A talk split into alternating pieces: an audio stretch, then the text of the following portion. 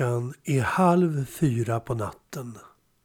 Jag har precis stigit upp och likt en tjuv om natten smugit in i mitt kök och gläntat på kylskåpsdörren för att vända på laxen.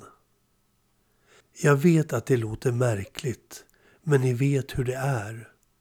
Den varmrökta laxen från igår ligger där med en avskalad sida. Och där under det grova benet ligger ytterligare en filé att sätta tänderna i. Men, ja först men inte minst, ska det förbannade benet bort. Och då gäller det att få hela benet att lossa från köttet inunder och fint från huvudet och få ner det i komposten. Så först plockar jag fram mina tillbehör från igår. Nyslagen dillmajonnäs och dillslungad färskpotatis samt en gul citron. Och sedan åker herr Lax, för jag föreställer mig att just detta stolta feta exemplar är en herre i sina bästa år precis som jag själv när jag står där i ljusstrimman från kylskåpet lite fetlagd i min gråblåa fladellpyjamas. Som servitör och hovmästare på en rad krogar och festvåningar i Stockholm på 80 och 90-talet så var det just då laxen skulle vändas som var den stora utmaningen.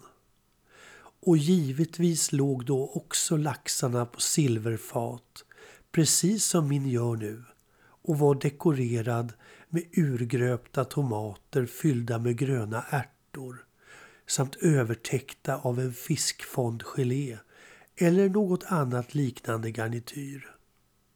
Jag drar snabbt ut silverfatet ur kylskåpet och stänger dörren lite på glänt för att slippa tända lampan i köket. Se så nu, herr Lax. Nu var det dags att vända dig på mage, säger jag och tar fram gamla silverbestick, en stor gaffel och en ordentlig sked. Och som en kirurg letar jag mig in på laxens skinnklädda undersida med skeden och tar sedan gaffeln på den motsatta sidan av benet. Greppet sitter där, precis som i mitt gamla yrke och vips så är herr Lax glad igen eller åtminstone halvglad. Men själva dinerandet av min nyvunne vän kan fortsätta som om ingenting hade hänt. Ett nytt vackert skinn att öppna upp och en orörd filé att upptäcka. Visst är detta laxtrick betydligt bättre än ett hattrick. Och för mig som ung servitör en gång i tiden var det min inträdesbiljett till de fina festerna och att få arbeta med krögare som Verner Fögli på Operakällaren till exempelvis.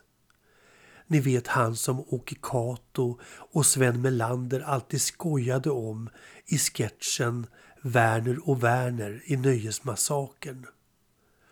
Och visst provade jag också att skoja med honom när vi jobbade ihop.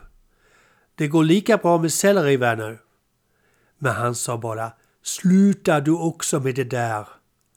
Och lustigt nog kom jag att jobba bredvid honom på NK nästan 20 år senare och han stod och sålde sin bok och signerade och jag sålde kaffemaskiner för ett schweiziskt bolag. Han såg mycket trött ut, försökte le och småprata med alla människor. Och jag gjorde honom en stor kaffelatte macchiato på våra dyraste kaffebönor och gick fram till hans monter. Han tittade upp och log. Han kände igen mig och sa Kära du, så snällt av dig. Vad kul att träffas igen. Vi pratade lite om gamla minnen och fick skratta en stund tillsammans. Jag såg inte när han var klar och gick hem. Men en dam från hans sällskap kom förbi med hans urdruckna glas och en bok om Verner Fögeli. Och på insidan av boken stod det textat Tack för kaffet Per. Din vän Werner. En kort tid senare var han död. Nu äter jag min nattmat vid bordet direkt från fatet.